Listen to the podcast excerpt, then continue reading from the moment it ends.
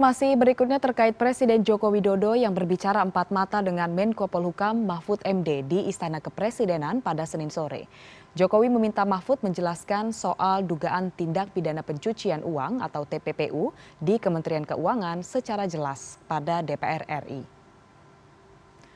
Mahfud menyebut siap hadir di DPR RI pada Rabu besok pukul 14 waktu Indonesia Barat.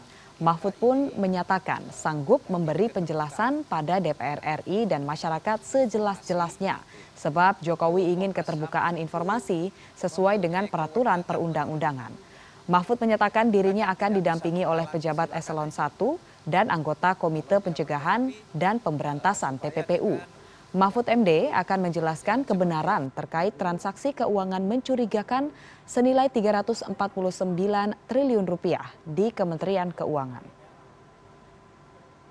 Ada beberapa hal antara lain menyangkut soal uh, temuan PPATK mengenai uh, dugaan pencucian uang di Kementerian Keuangan.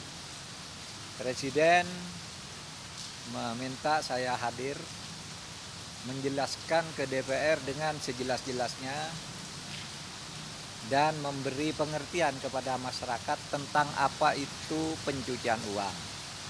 Dan saya akan menjelaskan ke DPR juga dengan sejelas-jelasnya tanpa ada yang ditutup-tutupi. Karena presiden kita ini e, menghendaki keterbukaan ya.